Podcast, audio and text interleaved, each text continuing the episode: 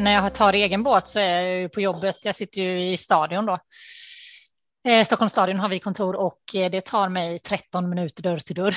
Det är ju liksom, ja. det är ju ingen som har kortare pendlingstid då. Nej. Alltså då, cyk, ja, då cyk, eh, tar jag båten, äh, cykeln i båten och cyklar från Ropstena. Just det. Är det Forsmans fortfarande som kör båtarna eller?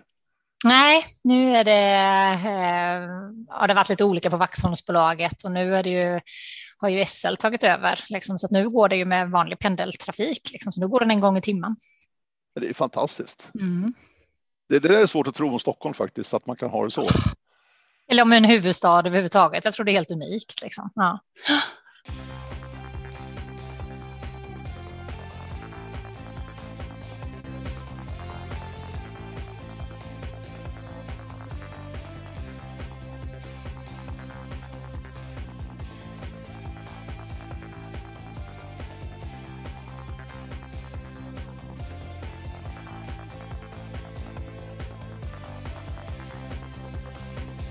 Linda Backman, varmt välkommen till Radio O-ringe Podcast.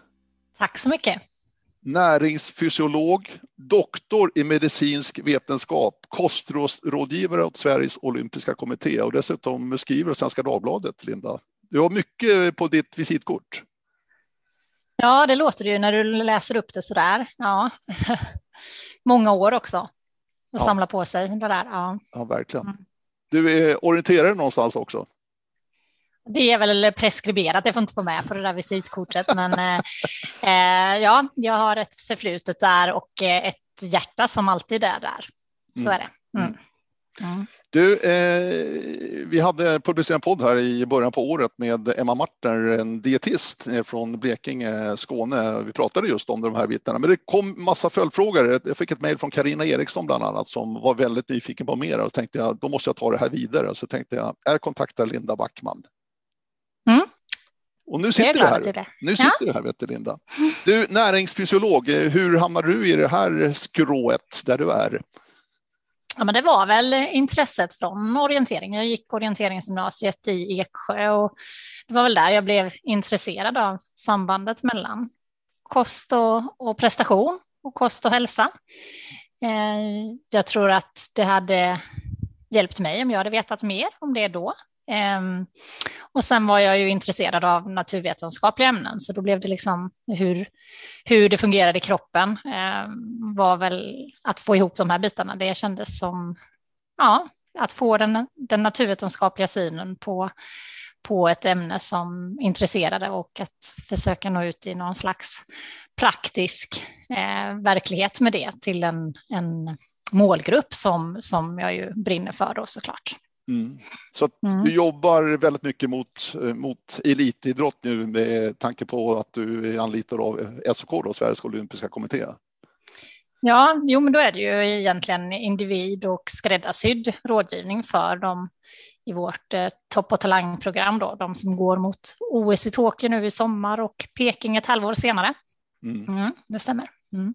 Vi, vi, kan väl starta lite grann. OS i Tokyo, mycket det pratas ju väldigt mycket då inför, det kommer bli ett OS som det ser ut just nu i alla fall utan publik och så där. Men värme, klimat, det är inte alls som vi är vana vid här hemifrån. Det måste också vara en utmaning för dig då att titta på det här och sy ihop så att man verkligen får i sig det man behöver för att klara av de här yttre förutsättningarna. Absolut, det kommer att bli en utslagsgivande faktor helt klart hur väl förberedd man är för det här och, och vilka strategier man har för att parera det här. Det kommer att vara en, en extremt hög luftfuktighet eh, i kombination med höga temperaturer eh, då som gör att liksom själva uppfattningen av hur varmt det är är, är ännu större liksom än själva vad termometern visar och försvårar eh, vätskeavgivning eller värmeavgivning från kroppen i form av svettning. Då, så, där. så det kommer att behövas stort fokus på vätska. Det kommer att behövas stort fokus på kylelement, externa också. Eh, dryckens temperatur och sånt som vi laborerar med. Och eh, det kommer också få betydelse för kosten, för det här påverkar ju också eh, aptit och sådär. Och eh, det är alltid en, en utmaning att komma till eh, andra länder och i synnerhet om det är stor tidsskillnad som det också är här, lång resa och ett extremt klimat. Så det blir många adderande faktorer som ökar komplexiteten i mm. sommar. Mm. Mm. För det, det, kan man ju känna själv när det är väldigt varmt. Man är inte så där jättehungrig, däremot vill man ju dricka liksom. Va? Men det mm. måste vara en utmaning att få i sig energin verkligen.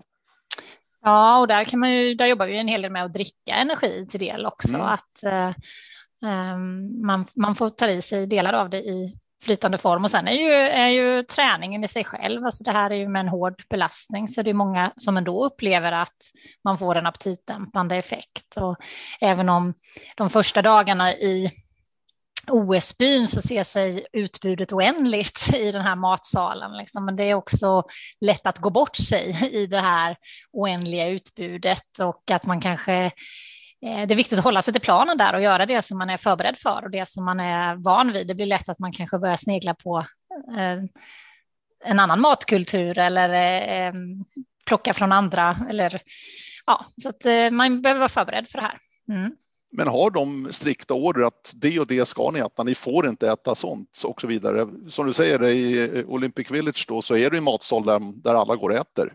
Mm. Fungerar det så att, att de har strikta order liksom? Eh, inte strikta order, men tydliga riktlinjer skulle jag vilja säga. Okay. Och att, att vi försöker ju att, eh, precis som de är har förberett sig på andra delar i prestationsscenariot, liksom att eh, man har en viss, ett, man har jobbat fram det här materialet eller den här tekniken eller den här eh, strategin så försöker vi ju tänka kring kost och vätska med, att man ska ha testat sig fram till vad det är man ska äta och dricka den här dagen för att kunna sortera bort det, den osäkerhetsfaktorn. Liksom när, det är, när man är där på startlinjen eller på plan så ska man kunna fokusera på det och känna sig helt trygg med att man har laddat upp rätt, ätit ordentligt, eh, man har rätt mängd vätska och rätt saker i vattenflaskan. Och, så att det, de osäkerhetsmomenten eh, ska vara bortstädade. Liksom. Det, är ju, det är ju tanken. Ja. Mm. Mm.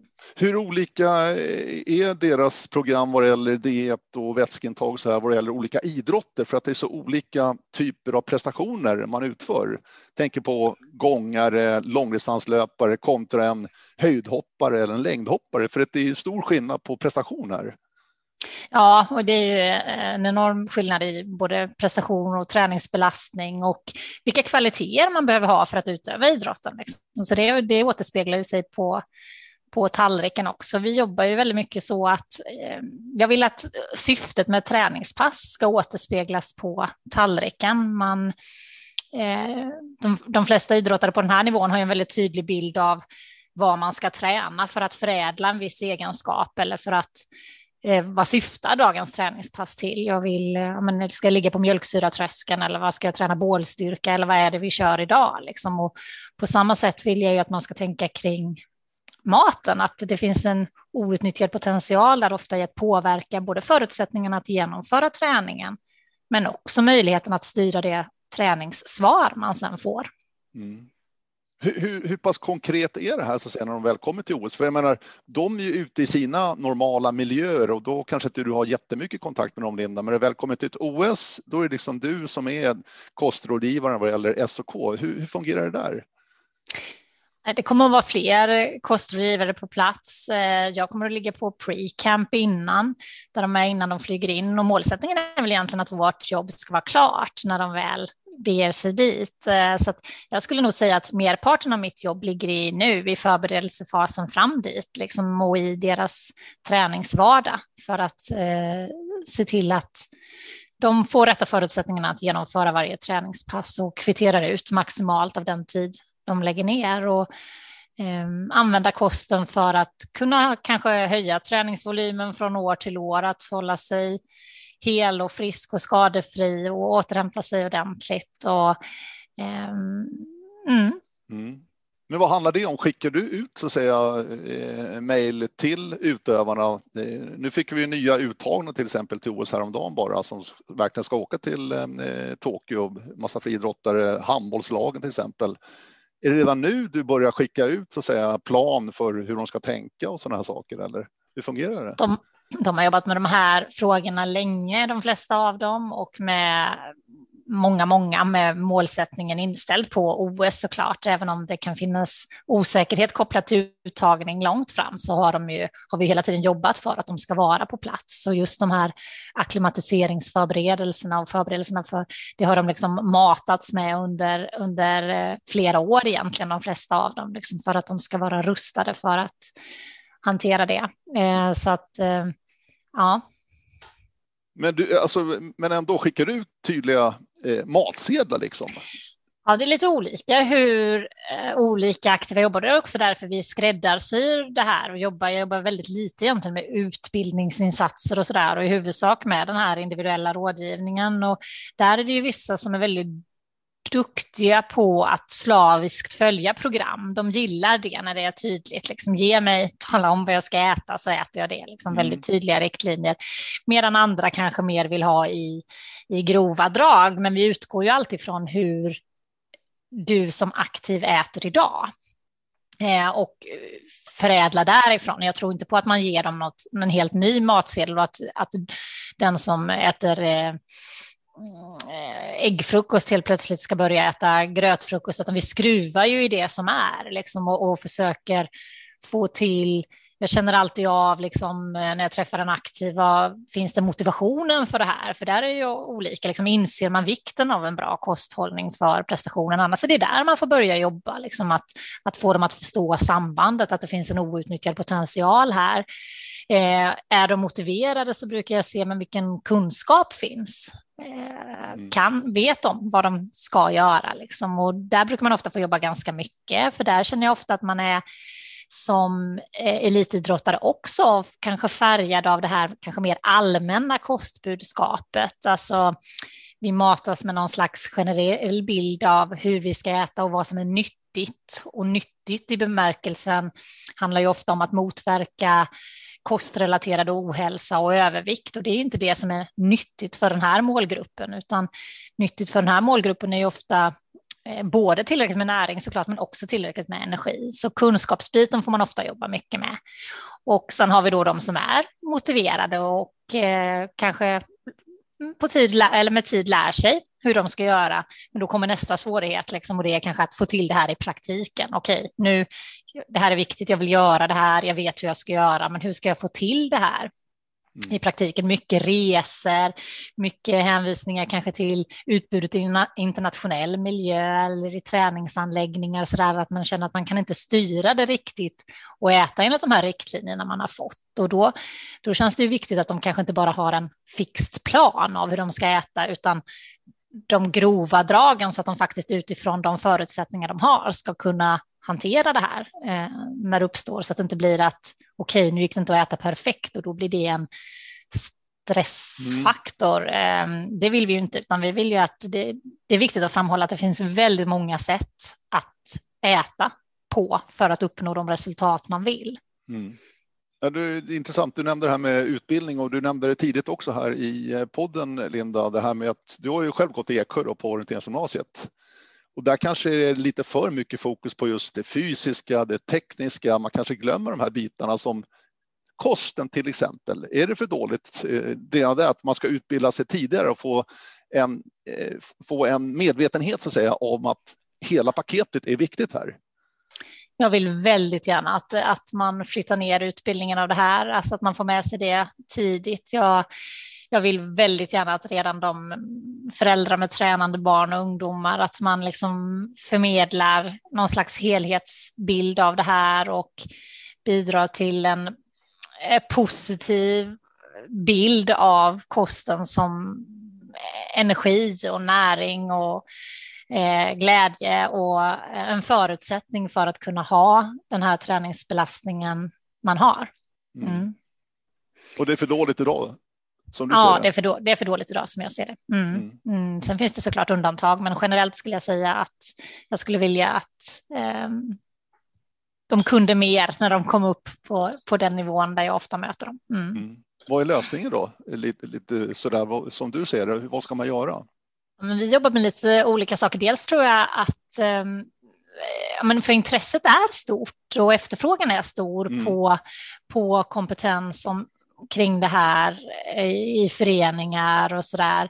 Eh, jag tror kanske mm, nu finns det ju så mycket digitala möjligheter. Jag tror nog att liksom, eh, utbildningar liksom, som kanske var framtagna för idrottsgymnasier och så där skulle vara en lösning. För det är också mycket begärt att kräva att de här tränarna på de här respektive gymnasierna ska kunna de här bitarna. Liksom. Det är ju det är också viktigt att man, inte bara att man undervisar i det, utan att man också får rätt kunskap såklart. Liksom. Och det, det finns ju många eh, experter inom, inom, inom mat om man eh, låter personer själva definiera vem som är expert. Liksom. Så att, eh, det är också viktigt att det blir evidensbaserat och att det blir framför allt också anpassat för den här målgruppen. Liksom vi, vi måste jag tror ju väldigt mycket på att vi måste sluta och leta efter en kosthållning som ska funka för alla och att mm. eh, även om vi på befolkningsnivå då såklart så är det ju olyckligt att vi, vi rör oss för lite och vi äter för mycket socker och, och skräp och för mycket energi totalt sett, liksom för lite fiber, för lite frukt och grönt. Men det finns ju en, en väldigt hälsomedveten del av populationen också som eh, många gånger är de som rör sig mest. Och när, när de som rör sig mest då försöker äta enligt de här riktlinjerna som kanske är avsedda för en inaktiv målgrupp, då blir det fel i andra änden. Så även om det är fel att vi och vi måste ta på allvar att vi äter för mycket socker och sitter still för mycket, så finns det en betydande och växande målgrupp som då rör sig mycket och som då eh, äter extremt nyttigt enligt en snäv definition av vad som skulle vara nyttigt och så blir det fel i andra änden. Så är det. Mm, mm. Ja, det är superintressant. Eh, jag tror du släpper just Tokyo just nu, Linda. Eh, vi ser fram emot det i sommar, verkligen. Mm. det, det gör jag sannerligen. Eh, jo, jag tänkte plocka upp några frågor som kom till mig då efter den här podden med Emma Martin för en stund sedan. Vi ska också säga att vi ska prata om några böcker du har skrivit också. Ja. Vi ska prata om motivation som jag gillar. Det är ett ord som jag gillar väldigt mycket själv och det verkar du gilla också med de här böckerna. Så det ska vi också ta upp här om en stund. Men nu lite mer konkreta frågor, Linda. Mm. Eh, först, eh, vad innebär näringsfattig kost? Vad skulle mm. du säga? Ja, det, är, det är lite svår fråga att svara så där um, väldigt kort på. För med näring så kan man ju mena liksom alla näringsämnen, både de energigivande som är fett och kolhydrat och protein eh, och också de icke energigivande som vitaminer och mineraler och antioxidanter och sådär. Vatten är ett näringsämne också. Ehm, ofta så brukar man prata om om en mat har högt, då brukar man skilja på energiinnehåll och näringsinnehåll. Tar vi socker och alkohol så innehåller det mycket energi men ingen näring i form av vitaminer eller mineraler eller protein eller fettsyror. Så, där. så att det har inget värde utöver att det ger oss energi. Eh, näring brukar man istället säga att det här är, tar vi då broccolin istället, ja, men den innehåller mycket näring men lite energi. Alltså den har mm. eh, mycket vitaminer och mineraler i relation till ett relativt lågt energiinnehåll. Då. Mm. Mm. Bra. Eh, näringstäta eh, produkter pratas det också om ja, och det är ju ofta då att de innehåller mycket näring i relation till hur mycket energi de ger. Så tvärtom um, egentligen det vi pratade om tidigare. Ja, så den där broccolin då till exempel, ja. den är ju näringstät. Eh, liksom, den innehåller mycket näring i relation till hur mycket energi den mm. bidrar med. Mm. Är det kopplat mot ekologiska produkter lite grann det där också, eller? Eh, lite grann kan det vara. Där är, där är inte studierna helt entydiga. Liksom det finns studier som har visat på att ja, men, eh, det är högre näringsinnehåll i vissa ekologiska produkter än i de konventionellt odlade. Men det handlar om så mycket mer än, än eh, produktionsmetoden. Det handlar ju också om, om jordmån och tillväxtplats och skörd och det är så mycket saker som påverkar ett näringsämne eller ett, ett livsmedelsnäringsinnehåll. Och där är det mycket så här skepsis, man är, är maten näringsfattigare nu? Liksom? Är det det som är problemet, att vi utarmar våra jordar eller att vi förädlar växter som är, att vi liksom är fokuserade på maximerad skörd, liksom ger det en låg näringstäthet i maten? Men jag skulle säga att det är nog inte den huvudsakliga anledningen till att vi har en låg näringstäthet i maten, utan det är nog framför allt att vi väljer eh, den typen av produkter som innehåller mycket energi i relation till näring. Alltså eh, potatisen är helt okej, men när du friterar den och tar salt och kryddor på i chipsform, liksom, då blir den ju inte så näringstät. Mm. Så det är nog mer att, att vi eh, hur vi bearbetar och, och förädlar produkterna som gör att vi har en många gånger låg näringstäthet i maten. Mm. Mm, mm. Intressant. Du, du, kroppen i sig då, hur, hur plockar vi upp näringen vi stoppar i oss? Går det att säga något entydigt på det? Det beror ju på vilket näringsämne vi ja, pratar om det. lite grann. Eh, man kan säga att vi tar ju upp liksom all energi vi stoppar i oss och den absorberas ju i tunntarmen framför allt. Liksom. Eh, och så fett och kolhydrat och protein, så där tar vi upp. Sen tittar vi på andra näringsämnen, så järn till exempel, där tar vi upp väldigt lite av det vi är förhållandevis dåliga på att ta upp järnet i maten, så det går inte mm. bara att titta på hur mycket järn jag äter, utan hur mycket av det tillgodogör jag mig, hur mycket av det kan jag ta upp? Och då kan det påverkas av formen av järn, alltså är det, kommer det från vegetabiliska järnkällor, då är upptaget sämre än om det kommer från animaliska järnkällor. Mm. Man kan titta på vilken järnstatus du har, har du, har du dålig järnstatus i kroppen, då, då blir vi effektivare på att ta upp järnet än om vi eh, ha en bra hjärnstatus och sen beror det på kombinationer. Vad, vad kombinerade vi det med? Att olika eh, näringsämnen tillsammans kan stimulera upptaget av varandra eller hämma upptaget av varandra. Så tittar vi på järn till exempel så är ju försvåras upptaget om vi samtidigt äter kalcium eller dricker kaffe. Mm. Samtidigt kan vi stimulera upptaget och effektivare ta upp järnet om vi har C-vitamin närvarande ehm, om järnet kommer från vegetabiliska järnkällor. Mm. Intressant. Jag, jag, har några snabbfrågor till här. Eh, ja, kör. Ja, nu, behöver vi, alltså, nu menar både motionärer och elitidrottare egentligen, behöver vi tillskott av mineraler, vitaminer? Jag menar utbudet är enormt på sådana här piller man kan stoppa mm. i sig. Eh, ger det någon effekt enligt dig? Eh, om det ger effekt eller inte beror ju på hur mycket du får i dig via maten. Alltså om du får i dig alla näringsämnen enligt de liksom, nivåer vi, vi rekommenderas att få så har du ingen ytterligare effekt att hämta av en, du får ingen prestationshöjande effekt att ta större doser av det. Om det däremot är så att du får i dig för lite av vissa näringsämnen och börjar ta vitaminer i, i, i i liksom tillskottsform, då kan du ju få en prestationshöjande effekt. Men då beror det ju på att du har hävt en brist, inte på grund av att du har fått en, en adderande effekt. Så du skulle ju fått samma effekt om du hade kunnat tillgodose det behovet via maten. Så att eh, där måste man liksom se eh, hur, hur äter du för att avgöra liksom om du skulle vara betjänt av det. Och när man gör en sån inventering och ser hur äter du, då tycker jobbar jag med att man i möjligaste mån ska försöka justera kosten så att du kan tillgodose allting där. Mm. Eh, och äter man allsidigt, det vill säga att man inte utesluter vissa livsmedelskategorier och så där. Och om man eh, också täcker sitt energibehov samtidigt som man tränar, så har man goda chanser att få i sig även all den näring man behöver. Mm. Det är svårare om man, om man har en väldigt inaktiv livsstil, för då ska man ju äta väldigt lite. och ska man äta väldigt lite så är det svårare att tillgodose näringsbehovet. Mm. Min känsla är att det, det, det, är många som petar i sig rent slentrianmässigt. Kanske mm. blir en placeboeffekt istället utav att man tror att man får i sig grejer. Det kan det vara och det är också lite för att vara på säkra sidan kanske och slippa oroa sig. Men det är också mycket marknadsföringskrafter ja, i det här ja. om man har snappat upp eller hört eller, eller så där det finns ett, ett, ett, stort intresse. Jag jobbar egentligen utifrån en, en triangel i rådgivningssituationen där jag skulle säga att det första jag vill säkerställa när jag träffar dig i en kostrådgivningssituation, det är att du får i dig tillräckligt med energi och vätska. Liksom. Det är basen. Och sen vill jag gärna titta på sammansättningen. Då. Hur, hur är det här fördelat? Liksom, får du i dig tillräckligt med protein och tillräckligt med kolhydrat och fettsyror och sådär och även vitaminer och mineraler.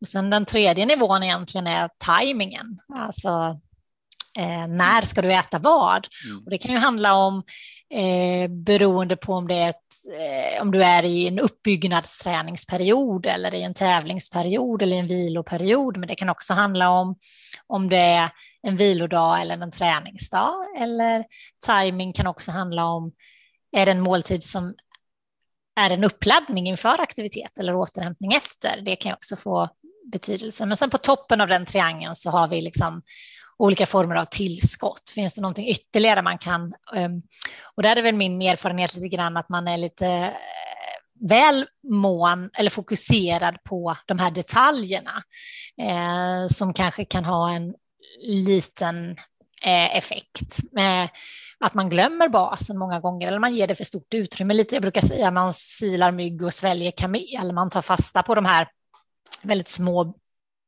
sakerna och tror att de ska få en väldigt stor betydelse. Mm. Och, och, det skulle jag tycka är symptomatiskt för, för egentligen mycket inom, inom kost, tränings, eh, hälsobranschen. Att mm. det blir de där men nyponpulver, är det bra liksom? Mm. Ja, men det är ju inte det som liksom, det, det är liksom lite fel fokus. Liksom. Ja, mm. ja.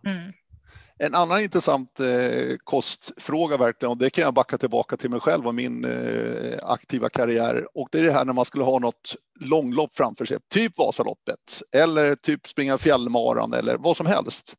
Mm. Kolhydratladdningen, skulle man käka pasta en vecka? Mm. Är det fortfarande tillrådet det där? Är det någonting som är, stämmer? Ja, det stämmer även om tillvägagångssättet har varierat lite, liksom, att man har förfinat metoderna. Men det är fortfarande så att i många idrotter så kommer ju dina kolhydratlager att vara begränsande för din prestationsförmåga. Och då är det klart att det är värde att maximera dem. Mm. Så är det. Eh, när man började med den här kolhydratladdningen så var det väldigt mycket att man då skulle köra väldigt hårt och tömma sig, verkligen, som du var inne på. Och sen, och då var det viktigt, då är det viktigt att man tömmer de aktuella muskelgrupperna, det vill säga ska du cykla så ska du cykla ditt tömningspass och ska mm. du åka skidor så ska du liksom belasta de muskelgrupperna. Och sen skulle man då eh, inledningsvis skulle man äta väldigt restriktivt med kolhydrater några dagar och sen gå på med, med pastan och juicen och russinen och, och bananerna och sådär. Eh, det där han, gick man ju ganska snart ifrån eftersom man eh, det var så många som blev eh, dåliga av det, liksom. att man den här, eh, och så blev det för lite träning, för mycket träning som förlorades de där dagarna när man körde väldigt kolhydratrestriktivt och man blev ganska känslig i immunförsvar och så där. Liksom. Så att, men att, att eh, gå på och tänka extra på kolhydraterna inför uthållighetsbetonade idrotter där man liksom vet att kolhydraterna kommer vara en begränsande faktor. Det är ju fortfarande tillrådigt och, och då ska man i och för sig veta att varje gram extra kolhydrat vi binder på oss binder också till sig 2,7 gram vätska så att man, man blir lite tyngre av det där. Ehm, så det kan ju också spela roll för totalen om man, om man väljer att göra det eller inte. Inom löpningen så blir det ju en, kostar det väldigt mycket mer energi om du mm. ska förflytta en, en då tyngre kropp till exempel. Mm. Eh, och sen finns det också idag, skulle jag säga, mycket större förutsättningar att tillföra kolhydrater under eh, själva aktiviteten eftersom vi har så bra designade eh, sportdrycker och geler och sånt här som gör att vi kan tillgodose delar av kolhydratsintaget under utan att det genererar magbesvär och sånt som kanske var vanligare historiskt när det inte mm. fanns lika bra produkter. Mm. Det är min sista snabbfråga, du var inne på det precis här på, på slutet Linda. Eh, sporttryck eller vatten har jag skrivit bara. Alltså, man hör ju lite stories beroende lite på vilket lopp det är och hur långt det är naturligtvis. Men rent generellt så där bara sporttryck kontra vatten för att det är ändå vätska man är ute efter eller är det också innehållet i typ en sporttryck? Ja, det är väl om det är varmt för det första och stora svettförluster, då vill man ju också åt salterna i det. Mm. Och sen vill man ju i uthållighets betonade idrotter som framförallt orienteringens längre distanser, då vill man ju åt eh, kolhydraterna också. Så jag skulle säga i tävlingssammanhang, sportdryck, absolut. Mm. Mm. mm. För man har ju också, typ Vasaloppet, jag kommer tillbaka dit igen, där är vissa som tar kola mot slutet, kaffe ja, vill en, till, en del ha till och med. Ja, det skulle jag också ta. Eh, skulle du koffein, det? Ja, absolut. Eh, koffein, kanske inte kaffe, men, eh, men koffein i någon form. Liksom. Och koffein och socker, absolut. Eh, eh, och då får jag väl, liksom, när jag nu säger det, jag vet inte vilka som eh, hur målgruppen för den här podden ser ut, men där skulle man, får man ju tänka annorlunda om man är ung. Liksom. Mm. En, en ung idrottare skulle absolut inte laborera med koffein. Liksom. Men koffein är ju någonting som kan vara centralstimulerande och som kan bli viktigt där på slutet. Och jag tänker också inom orienteringen då, där det också finns ett stort moment av vakenhet, skärpa, fokus, eh, koncentration. Liksom. Um, men eh, det, då är vi återigen på de här detaljerna, den där toppen av triangeln. Det är liksom ingenting som kommer att få några dramatiska effekter, men för den som, som vet med sig att man gör det andra bra eh, så tycker jag, och som är på en, en liksom hög nivå av sin satsning, så tycker jag absolut att koffein är ett av de tillskott som kan verka prestationshöjande. Och då mm. finns det olika former. Det finns ju i, i i sportdrycker och det finns ju i geler och sånt där. Ehm, man bör, det är väl bra att testa sig fram med en, en dos på ungefär 3 milligram per kilo kroppsvikt. Okay. Så för en 70 kilos person så handlar det om ungefär 200 milligram. Då. Det mm. motsvarar ungefär två koppar kaffe. Okay. Sen får man ju vara upp, uppmärksam på hur känslig man är mot det här. Liksom, eh, är det en eftermiddagstävling kanske man inte ska ta det, då kan det försvåra eh, insomnandet på kvällen kanske. Men, men eh, absolut. Och sen handlar det om om man är en vanemässig kaffekonsument eller koffeinkonsument eller inte. De som får negativa biverkningar i större utsträckning är ofta de som inte kanske dricker kaffe i vardagen, så, mm. utan eh, då får man ju vara lite extra försiktig och testa aldrig någonting. Oavsett vad det handlar om så tycker jag inte man testar någonting för första gången i tävlingssammanhang, utan ska man åka ett Vasalopp så skulle jag inte ta eh, koffein om jag inte hade testat det innan. Mm. Du, eh, en sak till där eh, som jag kom på här nu, det är ju efter träning, eh, och det här kanske riktar sig till de som tränar rätt mycket ändå. Hur viktigt är det att få i sig någonting så snabbt som möjligt efter träningen, alltså fylla på med näring igen? Är, är det där viktigt att tänka på som du ser det, Linda? Ja, jag tycker det är viktigt att tänka på det av flera skäl skulle jag säga. Det ena är att man snabbt ska påbörja återhämtningen. Alltså när vi kliver av är vi liksom nerbrutna. Träningen i sig själv har brutit ner. Det är träningen i kombination med mm. näring och energi sen som bygger upp. Liksom. Och för att motverka den här eh, nedbrutna hormon, hormonella svaret som vi har i kroppen då, starta uppbyggnadsprocesser, så är det viktigt att påbörja det direkt. Vi eh, tillverkar kroppsprotein snabbare om vi tillför det direkt efter än om vi väntar några timmar till exempel. Eh, kolhydrater blir viktigt att tillföra i synnerhet om du ska träna snart i tiden igen. Det vill säga om du har knappt om tid för återhämtning, då är det jätteviktigt att du påbörjar kolhydratåterfyllnaden direkt och mm. brygger upp muskulaturens och, och leverns kolhydratförråd. Sen vätskan ska ju återställas, eh, så det är ju bra om man också dricker eller om man, som jag var inne på där tidigare, att man ser till att det där återhämtningsmålet kanske till och med är flytande, att man får i sig kolhydrat och protein och vätska i ett. Liksom. Mm. Eh, sen finns det praktiska aspekter på det. Jag tycker att man, man köper sig kraft och energi. Mm. Um, man kan liksom stretcha och duscha och ta sig hem och då har man bättre förutsättningar att och kanske sätta samman en näringsrik måltid än om du hade tagit dig hem på skakiga ben och öppnat kylen och lagat det snabbaste du kunde tänka på för att du var så hungrig och småätit mm. massa skräp under tiden. Liksom. Alltså man, man köper sig tid med det um, och kraft. Mm. Så. Mm. Det var ett playoff-möte här i eh, hockeyallsvenskan mellan Kristianstad och Väsby. Jag läste nämligen, det var lite kul för att det, det, det gick till förlängning nämligen. De var inne i en femte period så att säga. Eh, I den här förlängningen mellan Kristianstad och Väsby då. Och då var det en av Väsby-spelarna som sa att jag tryckte i mig japp och yoghurt till pausen för att få i mig energi. Var det bra tycker du? Ja, det tycker jag var bra. Och jag bra. älskar de här scenarierna. här. Det, här är, det här är tillfällen när jag tycker att nutritionen blir utslagsgivande. Matchen är på pappret slut, liksom. men de som lyckas ladda om, liksom, de kommer att ha fördel. Jag tänker på alpinisterna när starten blir uppskjuten eller, mm. eller seglarna när vinden mojnar. Liksom. Jag, jag gillar det här när man liksom, ja, nu ändras förutsättningarna och jag måste veta hur jag ska agera för att vara på topp ändå, oavsett när starten går, liksom. eller när, förläng- när det blev en längre match än beräknat. Ja. ja, det tycker jag Sen tycker jag ju kanske att det hade funnits bättre saker, men där är väl min inställning generellt att, att äh, återigen, vi får inte vara för snäva i vår syn på vad som är bra att äta så att det resulterar i att man inte äter alls, liksom, utan äh, är det japp och yoghurt som finns att tillgå, då är det bättre än, än ingenting. Liksom. Mm. Mm.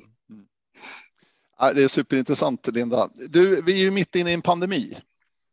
Ja. Ett år har vi levt med det här nu. Hur har det här påverkat? Jag tänker mer rutiner och annat har ju verkligen förändrats hos väldigt, väldigt många. Eh, du sitter hemma mycket och jobbar till exempel, är van att vara på ett kontor kanske om dagarna, precis som för många andra. Och hur har det här påverkat, tror du, hur vi har hanterat kosten, jag menar lunch, middag och de här bitarna. Det måste ändå ha påverkat även den sidan, det är ju min uppfattning.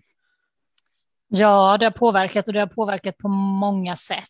Och återigen tror jag att det är en polarisering vi ser. Liksom, vilka är det som har vänt det här till en möjlighet och vilka är det som har eh, gjort det till ytterligare en, en riskfaktor i en, i en eh, redan kanske tidigare då eh, inte helt sund livsstil. Mm. Är man van som klart att, att pendla Eh, aktivt till jobbet som jag själv så märker man att det försvinner, ja, men det försvinner rörelsetid liksom där. Eh, och då måste man kanske aktivt jobba in den för att det inte ska bli en, en minskning på totalen.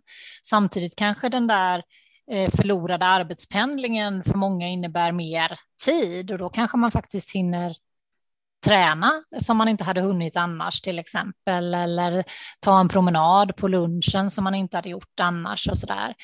När det gäller maten så tänker jag att många som har ätit ute, eh, nu blir de hänvisade till att eh, äta mycket eh, hemma och då sätts ju liksom inspiration och matlagningskunskaper och sådär på prov såklart. Man är kanske van att behöva tänka ut ett mål om dagen och helt plötsligt ska det vara två mål om dagen. Där tycker jag väl att den här matlådan som man kanske tidigare hade med sig till jobbet, den funkar ju vid hemmakontoret också. Och man kan mm. tänka att med färre uteluncher, då har jag en större budget till bättre råvaror hemma som kan göra det roligare. Eh, jag tror att många, matkasseindustrin har nog gått, haft en lysande eh, tid, tror jag, liksom att fler vill Eh, ja, det här, men sen, och sen eh, skolmåltiderna, då slår det också väldigt olika. Alltså, för många vet vi att det är det lagade målet mat som många ungdomar då, som ju är de som har drabbats av, av liksom ut, som de får. Liksom. Och då slår det ju ojämlikt i en redan ojämlik Eh, Eh, fördelning av ohälsan som finns i samhället, framförallt kopplat till kostrelaterad ohälsa och fysisk inaktivitet. Det vet vi är väldigt ojämlikt fördelat mellan eh, glesbygd och stadsmiljö eller, eller mellan olika socioekonomiska grupper. Och tyvärr så tror jag att det är samma som mycket annat, att de som innan gjorde det här ganska bra ser vinster i det här som gör det möjligt att göra det ännu bättre. Eh, medan de som innan hade utmaningar med det här får eh, ytterligare utmaningar kopplat till det här. Tyvärr, lite som jag var inne på innan, att det är de som mm. redan äter du, du frågar om behöver jag vitaminer och mineraler, alltså i tillskottsform, då är det väl så här min erfarenhet att de som köper det, det är de som redan äter bra i, i grunden. Mm. De som kanske har den sämsta då, näringstätheten på kosten och skulle behöva det, det är tyvärr inte de som går och köper det. Liksom. Så det blir gärna det här att de som gör det bra gör det ännu bättre. Ehm, det, det återstår att se, men det är många rapporter redan som har kommit som vittnar om ett ökat stillasittande och jag är också rädd över vad inställda idrottsaktiviteter eh, gör för en generation barn och unga. Eh, jag tänker att det borde vara gynnsamt för orienteringen, eller? För det känns mm. ändå som en idrott som som borde Absolut. kunna upprätthålla sin verksamhet eller vad, vad ser ni där? Jo, men det, det, är, det är ju glasklart. Det var ju tydligt förra året att det var ju ja. aldrig så många som hittade ut och naturpassade de här bitarna. Att eh, det, det, blev ju det att många sökte sig skogen för att få distanseringen och kanske upptäcka ett nytt element, skogen liksom. Ja, det tror jag kommer få effekter framöver. Men det du är inne på Linda, det, det kan man vara orolig för om man tittar några år framåt här, att det här är inte bra. Nej, det är inte bra. För att det kan få följdverkningar långt i framtiden. Vi pratar om generationer här, liksom, att det, det, det, blir ett tappat år minst här liksom, på många sätt och vis. Mm. På grund av den här och pandemin. Och ett tappat år i etablerade rutiner, i, ja. i, ett år som är viktigt för att etablera vanor och rutiner innebär i slutändan inte ett tappat år utan kan innebära många år i mm. förlorad liksom, livskvalitet. Så är det. Mm. mm. Du, eh, några böcker som jag har hittat som du har skrivit Linda. Mm. Du är författare också. Ja. Ja, spännande. Ja, jätteroligt. Eh, jag gillar titlarna verkligen. Maten bakom resultaten. Det är en fantastisk ja. titel och det blir jag jättenyfiken. Och dessutom hittade jag en som heter Vego i världsklass. Ja. Eh, underrubriken ja, första... maten som, ja, jag ska säga, eh, underrubriken är motivation, resultat och recept. Ja. Men det var väl en liten dröm jag hade, liksom att få jag fick ju ofta frågan när jag liksom var ute och föreläste och pratade så där, om det finns någon litteratur och jag tyckte väl att det saknades bra litteratur att hänvisa till för den här målgruppen som faktiskt eh, vill äta för att kunna träna. Mm. Eh, och eh, så egentligen var det en bok jag själv hade saknat under min idrottskarriär och som jag märkte att det fanns en stor efterfrågan av. Liksom. Så det var lite grann en dröm att få att få skriva den och beskriva de utmaningar jag ser hos den här målgruppen och på ett konkret sätt visa på hur man ska kringgå dem. Eh, att ta fram recept som är avsedda för den här målgruppen och då var väl min såklart att de skulle vara tillräckligt energi och näringsrika, men jag ville också peka på användningsområdet för dem. Liksom är det här, men det här är lämpligt uppladdningsmål eller det här är ett lämpligt återhämtningsmål. Och jag ville att det skulle vara enkelt, enkelt att tillaga med enkla råvaror att få tag i. Man ska inte behöva uppsöka specialbutiker och många av dem vill jag också ska funka liksom att ta med sig, för det är ofta så verkligheten ser ut för den som lägger mycket tid på träning. Med mycket tid på träning så eh, blir det ju mycket energi som ska tillgodoses. Eh, men samtidigt krymper man ju dagen. Att mm. lägger jag mycket tid på träning så ska jag få i mig mer energi, men på färre tillgängliga timmar. Eh, och det betyder att jag har inte så himla mycket tid för att förbereda och inta bra mat. Så det var väl också en utgångspunkt i det här, att för att det skulle vara praktiskt möjligt att, att följa det här, att det skulle vara smidigt och enkelt och att vissa moment skulle gå att förbereda och använda mm. flera dagar och sådär. Mm. Eh, ja, så det, det var en, en, en dröm och jag är jätteglad över det varma mm. mottagandet den fick och sådär. Mm. Ja, jätteroligt. Mm. Men du, tror du att det är så att det är många som tränar, har fokus liksom på något lopp framöver, men missar det här med just kosten och det kanske det är en förklaring till att man kanske inte når sitt mål när det väl är dags? Absolut, tror jag att det är som du säger en, en eh, men no någonting som man inte har utnyttjat den fulla kraften i. Liksom. Väldigt många är det så. Eh, så det är en av utmaningarna jag ser kopplat till det, alltså att man inte mm. har gett någon betydelse, man har inte insett vikten av det. Men sen finns det en annan utmaning och det är den här eh, och det är därför jag hela tiden återkommer till det här målgruppsanpassade och varför jag ville skriva för den här målgruppen. Det är att man är för färgad av en ganska snäv bild av vad som är bra och nyttig mat. Och den utgår ifrån råd som finns för en inaktiv och eh, överviktig del av befolkningen. Och de kostråden är inte avsedda för eh, människor som tränar mycket och absolut inte för tränande och växande barn och ungdomar, absolut inte. Mm. Eh, och att jag ser så många gånger att det blir fel där. Mm. Mm. För du har ju som jag sa i underrubriken där till maten bakom resultaten, just motivation. Mm. Och det är en enorm drivkraft i allt jag gör kan jag säga. Det är ju motivation som är drivkraften verkligen och det gäller ju mm. även maten här, att man verkligen ser till att ja, men nu ska jag göra det här och jag måste göra det på riktigt. Och då är motivationen A och O verkligen. Ja, absolut. Håller med. Ja, det, det, är häftigt. Mm. Den andra boken om vego i världsklass. Ja, där, där är vi... Under rubriken Hållbar mat för en aktiv livsstil. Mm. Ja, det är ett eh, roligt projekt som eh, vi driver på Sveriges olympiska kommitté tillsammans med Världsnaturfonden. Ett postkodfinansierat projekt som heter samma sak som bokens titel, Vego i världsklass. Och det är ett projekt som syftar till att normutmana köttet och visa på att alla kan välja mer vegetariska måltider och att det fungerar även för den som tränar. Mm. Eh, vi vill avfärda myter kring vegetarisk mat och träning, myter som att men hur får du i dig ditt protein eller du blir väl inte mätt eller det är inte gott eller, eller du får inte i dig tillräckligt med vitaminer. Liksom. Eh, de vill vi avfärda och samtidigt vill vi lyfta upp de verkliga näringsmässiga utmaningarna som finns. Och vi vill också ta bort eh, kravet på liksom någon slags etikettering, att du måste vara vegetarian för att äta vegetariskt. Nej, eh, alla de stora vinsterna för planeten gör vi om alla skruvar om och väljer mer vegetariskt snarare än att några får blir renläriga veganer. Det som får störst betydelse är om vi, vi behöver alla välja mindre och, och bättre kött och eh, Eh, öka andelen vegetabilier på tallriken och det fungerar även utmärkt med eh, en aktiv livsstil och till och med en hård träningsbelastning och vi vill visa hur. Mm. Så att eh, det är tre delar i den. Det handlar om eh, planeten och vinsterna för planeten med att göra det. Och det är Anna Rickert på Världsnaturfonden som har skrivit den delen. Och sen handlar den om kroppen. Eh, och det har jag skrivit om de näringsmässiga utmaningarna och möjligheterna och vinsterna eh, för en aktiv eh, del av befolkningen. Då. Och sen är det ett avsnitt om maten och med 120 tror jag både närings och klimatberäknade recept.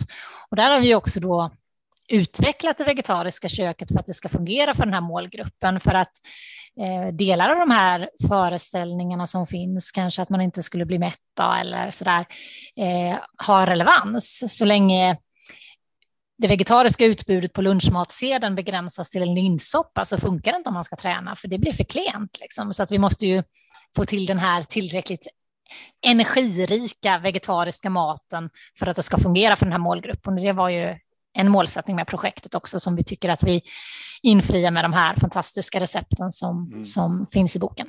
Mm. mm. Hur, hur, ser det ut i dagens läge vad gäller vegetarianer? För jag kommer ihåg på 80-talet, då var det liksom, åh, han är vegetarian. Det var väldigt unikt så att säga. Det var inte så många på den tiden när jag växte upp. Men nu, Linda, om du tittar på eliten, liksom de som ska till OS i Tokyo, hur, hur många är, lite ungefär så där bara, hur många är det som är vegetarianer idag av elitidrottare skulle du säga? Mm, det är fortfarande inte så himla många som är veganer eller vegetarianer, eh, även om det är som du säger att det ju, om det var kontroversiellt och radikalt för ja. 20-30 år sedan så är det ju inte alls det idag. Det är ju ingen som höjer på ögonbrynet. Det, det, förekommer. Det är många som kommer att åka till OS som är det. Men det är liksom ingen stor andel. Däremot skulle jag säga att det är en jättestor andel som definierar sig som då flexitarianer, liksom som har Eh, ökat mängden vegetabilier och minskat antalet måltider som innehåller kött, fisk, fågel. Det är jättemånga. Eh, vi hade ut en enkät kring inställningar till det här faktiskt för runt årsskiftet här och det är otroligt många som har skruvat om i sin, sin kosthållning till eh, fler vegetariska måltider och ehm, är också öppna för och angelägna om att fortsätta driva den utvecklingen. Liksom. Så jag tror inte det är liksom ingen tillfällig trend vi ser, utan det är, det är en förskjutning liksom, och ett nytt normalt, så är det. Mm. Ja, för, för, på den tiden då var det ju problem till vissa restauranger man kom. Liksom. Han, var, han eller hon var vegetarian och kunde knappt mm. få mat. Liksom. Ja, men du får gå och ta en sallad och tomat där borta, varsågod. Mm. Det är lite skillnad idag. Ja, det är mycket lättare idag i utbud och kunskap och så där. Och både utbud när det gäller råvaror men också på restaurangerna som du säger att det ofta finns flera eh, valmöjligheter där. Men det är fortfarande i, då har vi kommit ganska långt i Sverige för de idrottare som ändå som ändå är då vegetarianer eller veganer stöter ju ofta på eh, Eh, svårighet när de är i en internationell miljö. För är man i andra länder där man inte har kommit så långt, då kan det fortfarande vara så att vill du ha vegetariskt, då får du riset och salladen. Liksom, för att eh, det finns inte alls samma. Och då, då klart att då adderar det ju en, en, komplexitet ytterligare. Så är det ju alltid. Plockar jag bort eh, delar av vad jag kan tänka mig att äta så försvårar jag. Eh, och, och i en ekvation som kanske redan från början är ganska utmanande att vara hårt tränande och tillgodose sitt energi och näringsbehov. Och det är klart att chansen att det är större ju bredare repertoar du kan tänka dig att välja ifrån. Så är det ju.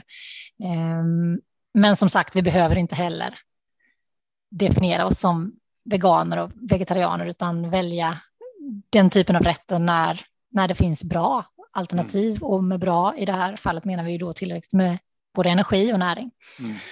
Mm.